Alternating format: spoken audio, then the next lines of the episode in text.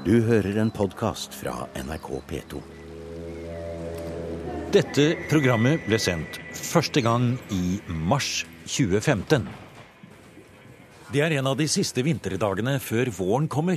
Litt snø i lufta, en sur vind og lavt skydekke rundt den mektige Holmenkollbakken. Vi står rett utenfor inngangen til Skimuseet, sammen med direktør Karin Berg. Men hvordan er det med deg? Du går vel nesten til jobben hver dag her oppe til Skimuseet? Ja, altså hvis det føyker og er masse snø, det kan jo ikke tenke meg noe bedre enn å spenne på maskinet. Og om sommeren så sykler jeg, eller så bruker jeg beina. Men er det sant at du går på treski? Eh, blåskia var jo mine yndlingsski, men nei, jeg er blitt moderne jeg også. Til og med smørefri ski bruker jeg. Ja. Eh, det som jo er grunnen til at vi er her i dag eh, og står utenfor ja, det er nesten sagt museet ditt, eh, Karin. Det er jo at Karin Berg og Skimuseet, det er jo blitt noe som henger helt sammen. Og du har vært her i 30 år. Ja, og det er jo et privilegium å få lov til å ha en jobb, et yrke som også er en hobby. Og jeg gleder meg til å gå på kontoret og på museet hver eneste dag. Nå skulle nesten de som hører dette, ha sett oss nå, altså. For nå står vi i en snøføyke ja. like under Holmenkollbakken. Og vi står rett under Fridtjof Nansen-statuen, som er helt nedsnødd. Og vi snur oss rundt og går bare litt sånn forsiktig, og vi får snø over hele. Vi har kledd på oss veldig. Og vi ser bare liksom 100 meter inn i Holmenkolltåka. Men Holmenkollen, den, altså dette anlegget, det har du sett i all slags vær, Karin? Ja, og jeg syns det er flott. Selv når det snør og det er eh, litt tåkete, så har det sin eh, gråtonesjarm. Og så vet vi at på Gratishaugen så er det blå himmel om ikke lenge. Vi må snu det sånn. Og det som er utrolig å tenke på også, den, den eh, lokaliseringen av Holmenkollbakken, som på en måte er svaret på Eiffeltårnet. Det er et nasjonalt fyrtårn. Den første bakken ble jo bygget i 1892, og tenk på utvidet 19 ganger. Nå blir det ikke mer, for da blir det liksom skiflyvning. Men 19 ganger, og den har altså ligget da mer og mindre på samme sted i alle disse årene. Sånn at um, i internasjonal sammenheng så er jo denne tredje størst rangerte idrettssportsarena etter Wembley og Wimbledon. Og dette gjør jo at Jeg kan skryte litt i dag. At uh, dette er Norges mest Holmenkollen er Norges mest besøkte reisemål. Og det er et eh, symbol for eh, Norge. Det er et symbol for det som mange sier er den norske sjelen. Og det er også da dette med å gå på ski. Hvorfor er det sånn, Karin, at vi liker å gå på ski? Hvorfor er det sånn at nordmenn flest, av den sagt, ikke gruer seg til vinteren?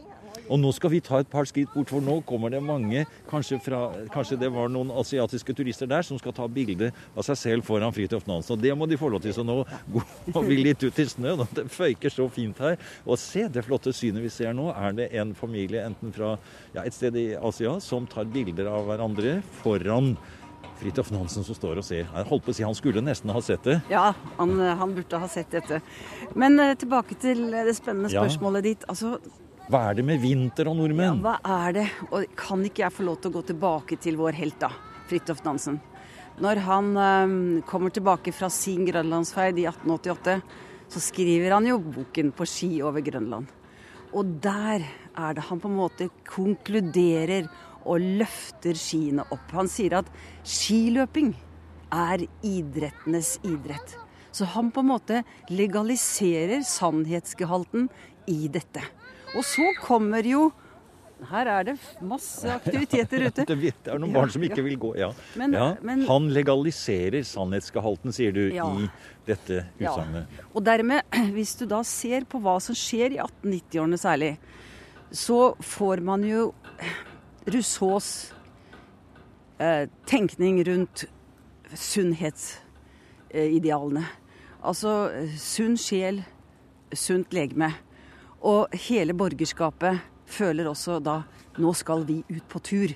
Vi skal ta i bruk Frognerseter-området, marka, kjenne på dette, hva det betyr å få som Eva Nansen fantastisk skriver om.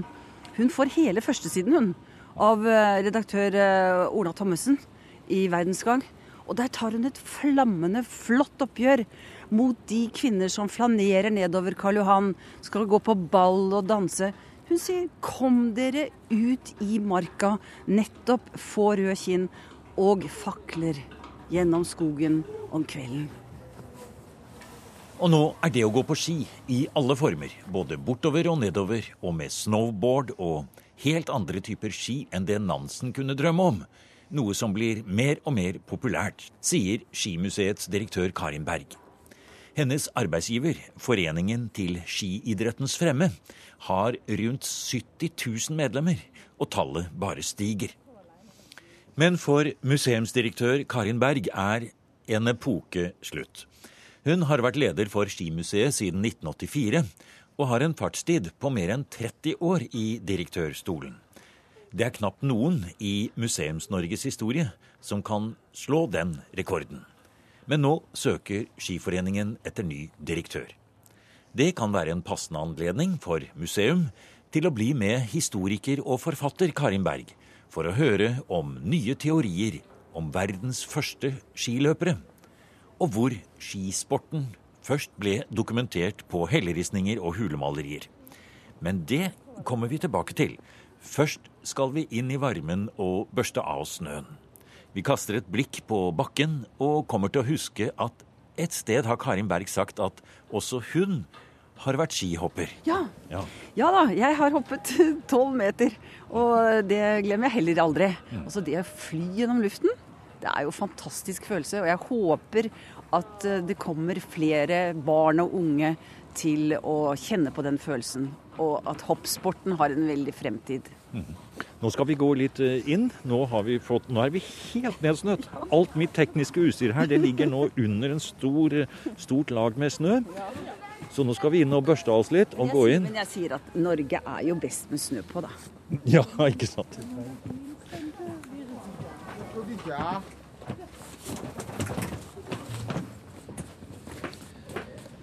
Ja, nå har vi fått uh, børsta oss og hengt av oss litt. var deilig å komme inn. Ja, det er sikkert sånn vinterstemning. Vi snakket om dette med at du faktisk har hoppet på ski. Og eh, vi stopper foran nå. Eh, et av de første tingene vi ser her, det er 'Kvinne på ski', heter det eh, maleriet. For dette som har brakt deg egentlig da inn i denne tankegangen, det er jo at du er interessert i kvinner på ski. Du har skrevet bøker om de kvinnelige hopperne. Mm. Du har eh, Johanne Kolstad. Eh, og du har hatt en eller annen dypere interesse for det. For det, det, er jo ikke sånn uten videre opplagt at du skal havne her. For en gang så lå du jo på knærne i stavkirkene og var, var interessert i numismatikk. Ja, helt riktig. Og eh, så fikk jeg jobben som eh, konservator på Aust-Agder-museet. Riktignok et vikariat, men så ble stillingen på museet her lyst ledig. Og da tenkte jeg oi, dette har jeg lyst til å forsøke. Men da, jeg må innrømme at da kunne jeg ikke noe særlig om akkurat gjenstanden ski. Og det var jo det som trigget meg. Fordi jeg ville svare folk på det spørsmålet de oftest ringer om. Du, vi har vært på en gammel låve og funnet noe ski. Kan du si oss hvor gamle er de, og hvor kommer de fra? Så tenkte jeg OK, da må jeg ta på meg skihistoriske briller. Jeg må bli doktor. Og så må jeg se pasienten. Og så stiller jeg spørsmålet hva er du laget av? Er du laget av eik? Ok, da vet jeg i hvert fall at det er på Sørlandsstripa. Så ser jeg på disse formtrekkene med dekor, rand under eller ikke, foran, bak, og så tar jeg og sammenstiller alle disse formtrekkene, og så får du altså skityper i Norge. Rana-ski fra Nordland, den spesielle Telemark-skien. Og dette her har jeg da skrevet verdens kjedeligste bok. Den er så utrolig kjedelig. Men den heter 'Ski i Norge'. Den kom i 1993. Og den må jo ha hatt et nedslagsfelt, for den er helt utsolgt. Fordi der kan folk nemlig selv bla opp og se og finne ut av. Men det er ikke noe på nattbordet. altså. Da sovner du i hvert fall med en gang. ja, Men det hører med til skal vi si, vitenskapen som følger med Skimuseet. fordi når du kom dit da inn i 1984, så var jo ikke akkurat Skimuseet nytt. Det var ikke noe nytt. Det hadde eksistert en stund. og det vi står i i dag, er igjen da noe helt annet enn det du kom til. Eh, så du har jo da i disse 30 årene også vært med å forandre totalt hvordan Skimuseet fremstår. Ja, det, i all beskjedenhet som det heter, så er det vel det. For det første museet det lå jo oppå Frognerseteren fra 1923. Og når jeg er på skihistoriske konferanser eh, rundt i verden i dag, så er det utrolig å merke seg hvilken status verdens eldste og største skimuseet har. Så jeg er nettopp kommet tilbake fra en utrolig opplevelse i Kina, i Altai-fjellene, som vi skal komme nærmere tilbake til. Uh, og der føles det som om the queen of skis. Altså, jeg er alle verdens museer eh, med ski. Så jeg er liksom morsrollen, på en måte, rundt det. Det er jo litt forståelig, syns jeg. da. Vi går videre innover i museet nå. Vi har dette fantastiske maleriet av en kvinne på ski bak oss her. Og vi går inn i det som kanskje mange kjenner som, eh, som skimuseet nå, da. Og vi stopper her ved en eh, stor isbjørn. Og når jeg sier mange kjenner, så er det jo fordi at her går det jo ja, over 300 000 mennesker hvert år. Ja, kanskje litt mindre, men det som er det geniale, da, er at alle kjenner jo til Holmenkollbakken. Mm. De skal opp i toppen av tårnet. Og da må de gjennom 6000 års skihistorie. Så det er én stor opplevelse, ett grep vi har gjort på det. Eh, så det første du ser, som vi nå står og ser på, det er en fantastisk vakker isbjørn. Så kan man spørre seg hvorfor er det den gjenstanden i gåseøynene som alle ser først. Utgangspunktet mitt det var at vi kjenner Fridtjof Nansen som polarforsker og far, vitenskapsmannen, humanisten som fikk Nobels fredspris i 1922, eh, nasjonsbyggeren, diplomaten. Alle de merkelappene som er satt på han. Men det få kjenner til, det er at han også var en meget dyktig tegner. Så hvis du ser ved siden av isbjørnen Jeg ser det så er det Er det en av Fridtjof Nansens flotte tegninger i ja. sort-hvitt? Ja. Det er isbjørnen som snuser på, på skisporet. Ja. ja. og det er nettopp det. Dette skisporet vi skal følge. Vi skal gå gjennom museet 6000 år tilbake. Karin, det er jo helt fantastisk å høre på deg når du blir begeistret over det du har å fortelle. Og det må vel være akkurat det som har gjort at du har ja, si, unnskyld uttrykket, holdt ut i 30 år i, samme, i det samme museet og, og, gitt liv til nye utstillinger, nye prosjekter, og gått på det med den Alle som da har vært i kontakt med deg, kjenner jo til hvor engasjert du er. Og etter 30 år like engasjert. Ja, altså hver dag er ny, og jeg tror at uh, en av de viktigste indre følelsene jeg har, det er å være nysgjerrig. Jeg er utrolig nysgjerrig. Hva er det som skjuler seg i arkivet? Hva er det en informant kan fortelle? Hva er det som gjør at jeg blir virkelig trigget til å skrive boken om det illegale broderiet i Kongens jakke. Det var jo altså Agatha Christie. Uh -uh. Det er ingenting imot det å få lov til å stille spørsmål. Kanskje ikke alltid du får svar, men da går du videre igjen i forskningen. Bygge sten på sten. Og det er det som også overordnet er min, min visjon, da. Å bygge sten på sten, ikke rushe. Ta den tiden det trenger, men basert på kvalitet. Vi går sammen med historiker Karin Berg på Skimuseet under Holmenkollbakken. Der har Karin Berg vært direktør i mer enn 30 år, men nå skal hun snart gå av. Det er ikke snakk om noe mimring, for Karin Berg brenner for formidling og ny forskning. Selv har hun sørget for at Skimuseet gjennom mange år har vært blant pionerene når det gjelder samarbeid med næringslivet.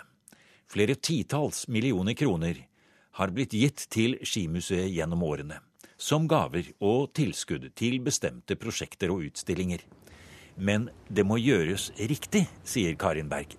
Altså Holmenkollen er jo en så stor og kjent merkevare. Og vi er veldig opptatt av hvem vi lar få lov til å bruke eh, oss, rett og slett. Sånn at dette her er en gjensidig glede for begge parter. Og de store giverne som vi har hatt i årenes løp, jeg ser på dem hvor takknemlige også de er for å få lov til å løfte museet og videreutvikle det. For vi må aldri stoppe en videreutvikling. Alt kan gjøres bedre. Og ikke minst å finne hva skal jeg si, temaer, utstillingstemaer som skifter, som skaper debatt. Og vi har fått et fantastisk auditorium i nybygget i Iskosset med teleskoptribuner som gjør at tribunene kan skyves inn og frigjøres et mye større areal. Det bruker vi til debattkvelder, til konserter. Altså museene skal leve i samfunnet. Vi er på vei til en helt spesiell helleristning, for Karin Berg er i ferd med å skrive en ny bok. Det skal handle om de aller første bevisene på at mennesker brukte ski.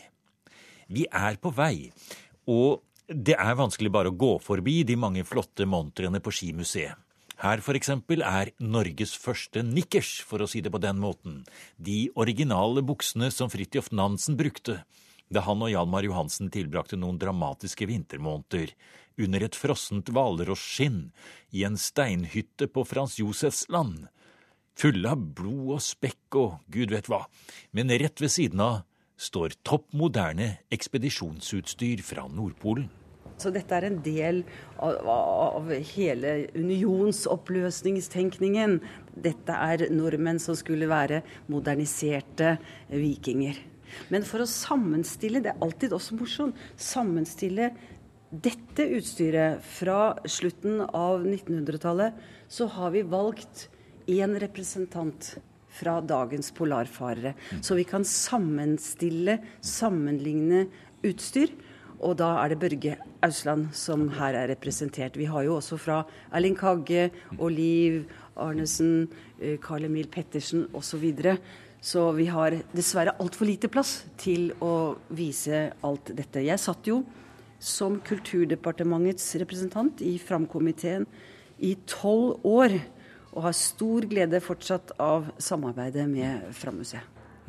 Men Børge er jo utrolig. Han ringte her for en stund siden. Og han ringte da fra Nordpolen. Og jeg sa 'Hvor er du nå?' 'Ja, nei, nå sitter jeg på Nordpolen'. 'Vil du ha alt utstyret mitt fra ekspedisjonen?' 'Ja, tusen takk'. Og se på skiene Ja, hans. se på det skiene. Det må du nesten forklare litt, for de er dekorert på en helt spesiell måte. Ja. Det var hans tolv år gamle sønn, Max, som da dekorerte skiene på en fantastisk eh, morsom måte. Og når du går i isødet og det er bare hvitt, hvitt, hvitt, så er det jo også lett for å bli snøblind. Og dette var ikke bare for å hindre det, han hadde jo solbriller og sånn, men det var så motiverende. For det er jo fullt av barnetegninger på ja, Veldig flott. Og Altså. Jakob Weidemann, han har også dekorert et par ski som Børge Ausland har brukt. Ja, det ringte fra Nordpolen. Og det er jo det som gjør museene helt unike i samfunnssammenheng. Vi har originalene. Altså dette er ikke noen kopier, men dette er originalene. Og jeg skal fortelle deg når eh, det var 100-årsjubileet for Nobel eh, fredsprisutdeling, så var alle de tidligere vinnerne de var på en, en mottakelse her. Og jeg glemmer aldri Rigoberta Manchu. Da jeg overrakte henne Nansens ski som han brukte på grønlandsferden i 1888, hun begynte å gråte. Hun sto der med daværende Nansen, Nobel fredsvinner i 1922, med hans ski som han hadde brukt. Og det var så sterkt for henne at hun fikk holde den, og tårene rant. Fridtjof Nansen var jo på første framferd, og eh, han har tatt med seg disse skiene her fra Sibir. Det er um, veldig brede, tynne uh, ski uh, med skinnkledning under, for skinnet gjør jo at det er mer lydløst når du går. Og med hårene vendt bakover, så sklir du heller ikke bakover. Og dette er jo det som får assosiasjoner for folk. De sier ja, men det er jo akkurat som snowboard. Og det kan du nå gå og se Det er det første man tenker på når vi Ja. ser disse skiene fra Sibir. De, er, de ser akkurat, ut som snowboard. Ja. Og derfor leder jo det oss til den nyeste temautstillingen, som heter 'Frihet på snø', i temautstillingsarealet. Fridtjof Nansen, du tror at jeg er veldig opptatt av han, og det er jeg. Jeg har jo skrevet en bok som heter 'Fridtjof Nansen og hans kvinner'. Men da han kommer hjem fra Grønland og skriver denne boken som jeg nevnte før, eh, 'På ski over Grønland', der Og, og nå peker du på en førsteutgave Ja, som ligger her, på ski over Grønland. Uh, og den boken ble jo raskt oversatt eh, året etter til tysk og engelsk, sånn at folk virkelig kan forstå hva er det man kan gjøre med et par brune treplanker. Men nå kommer det noe som jeg skal sjokkere deg med, og det liker jeg. Og det er at han har et kapittel i boken eh, om skiløpingen, dens historie og utvikling. Og der, sammen med en bibliotekar, en lingvist, en språkforsker, så skriver Nansen noe som jeg syns er helt fantastisk, som vi må få fortalt hele verden om. Og det er at man snakker jo om Morgedal som den moderne skisportsvugge. Hele Norge er den moderne skisportsvugge. Men Nansen skriver her at pga. språk så klarer disse to forskerne å føre skisporet til verdens eldste vugge når det gjelder skiløping. Og det er i Altai. Altaifjellene, sier han. Det er verdens fødeland. Og ved at jeg var på, mm, på denne forskerkonferansen i januar, så var det jo fantastisk å kunne få lov til å holde et foredrag og fortelle om Nansen, hans konklusjon. Folk reiste seg og klappet. Så du tok med deg skisportens vugge bokstavelig talt til Kina? Ja, jeg gjorde det. For jeg tror faktisk at jeg har en teori, da. At skiene har gått derfra. Videre nordvestover, kommet seg gjennom Sibir, det sirkumpolære områder. Og så har de sklidd nedover Finland, Sverige og Norge. Fra nord. Nordveg kommer den veien på ski. Og her ser vi jo, Nå peker du opp på en, eh, en replika av en helleristning som jo er veldig kjent. Det er den såkalte skiløperen. Ja, altså den eldste helleristningen i Norge, den er funnet i nærheten av Steinkjer. Eh, 6000 år gammel. Den vi ser på nå, som kopi, da, det er jo Rødøymannen fra Tro Alstahaug kommune i Nordland. Eh, jeg hadde en skikkelig eh, tøff runde med noen arkeologer i forbindelse med denne 1994. Eh, skulle bli inspirasjonen til piktogrammene på Lillehammer.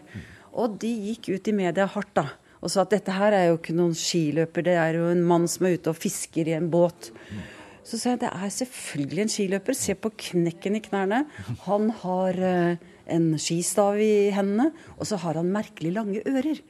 Og det tror jeg er fordi at for å komme i nærmere innpå dyr i en jaktsituasjon, så tar jegeren på seg som kamuflasje Han tar på seg skinnet eh, av et annet dyr og lister seg mot eh, sitt bytte. Men så tilbake til Altai. For det, dette har betydd så mye for meg faglig. Der har de på et museum i en by som heter Burjin, der har de en svær stein. Og på den steinen så er det risset inn en jaktscene. Og du ser altså en jeger, en mann på ski, med Hold deg fast nå, for det er det ingen som vet før.